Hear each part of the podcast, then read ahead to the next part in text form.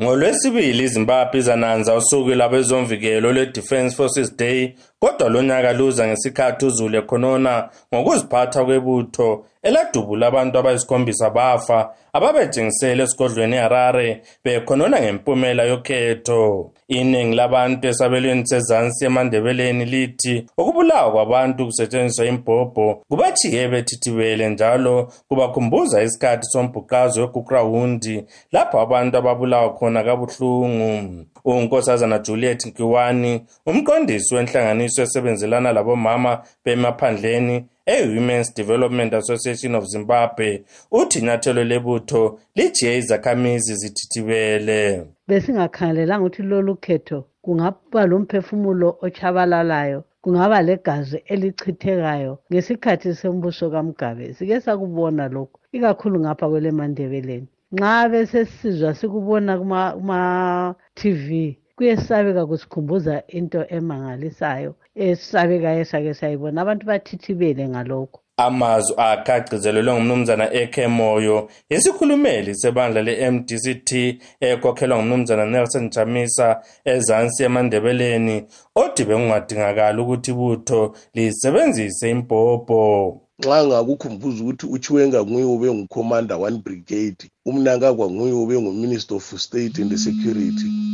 Abayibo ababe-responsible nge-deployment ye-five brigade khonapha. Ukudubula abantu bebaleka ubadubula ngemuva bekungela kulwa between abantu lamapholisa ukuthi leyo army ingenele njani ifohlela ichiya amapholisa ambonanga isizathu sayo sokuthi i-army ijinisele amandla ayo kangakana. Unkosazana nokuthula mahuba isakhamuzi segwanda uthi uzulu akumelanga ethesi ibutho icala ngoba livele lisebenza ngokuthunywa.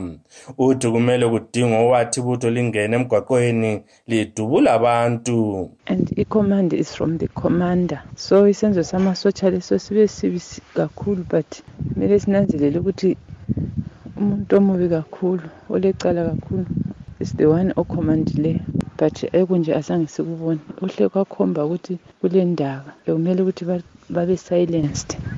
Bengakhulumi. Ngalokho ngempumela yokhetho ebisiyenzakele indaba kamele idle ukhomanda kadingakali aziwe. Umnumzana patriotic ndlovu esinye sezakhamuzi zegwanda uthi ukudutshulwa kwabantu libutho kubisela muva imizamo kahulumende yokukhumisana umlotha lozulu wakuleli amanxeba lokhu evuselelwe thunuka esikubalekayo lesa sikukhalela ukuthi abantu baxoliswe abantu kuphume konke kuzinhlupho le ezikhona ngombuso wobudlwangudlwangu lokubulawa kwabantu kodwa kusaqhubeka phela. Pho-ke kuxolwa kanjani? I-peace and reconciliation yakhona iqhutshwa njani? Mbone ngani liphutha elikhulu kakhulu elingatshengisiyo ukuthi uhulumende lo utshintshile. Umongameli emerson mangagwa ukhulumile phambilini ukuthi uzasungula ikomishini ezimeleyo ezadingisisa okwenzakala eharare umnumzana edgar ncube esimbuko egwanda uthi sesemningi imbuzo ezafuna impendulo. Ukuthi ovele nguye owanika amasotsha lelo gunya ngubani? Ngoba esikhangelela ukuthi um nguye ukhomanda wamasotsha. Laye ubuza umbuzo ofanayo ukuthi ngubani? Pho thina sesisibuza ukuthi kati manje ngubani? Nxa amasotsha esengadubula ebulala abantu. Ngoba thina esikwaziyo njengabahlali belizwe lezimbabwe ukuthi amasotsha ngabantu bokuvikela abantu hhayi abantu bokulimaza abantu. Pho sesiyaphephelaphi nxa labo kumele basivikela kuyo basebesiqeda? Ibutho lakuleli lajabulelwa ngabaningi nyakenye ngolwezi ngesikhathi lisusa umnumzana robert mugabe esihlalweni. Kodwa kwamanje uzulu likhomba ngeminwe elethesa umlando wokubulala abantu kungela sizatho ngimele istudio 7 ngisemajawundeni egwanda ngingu-albert ncube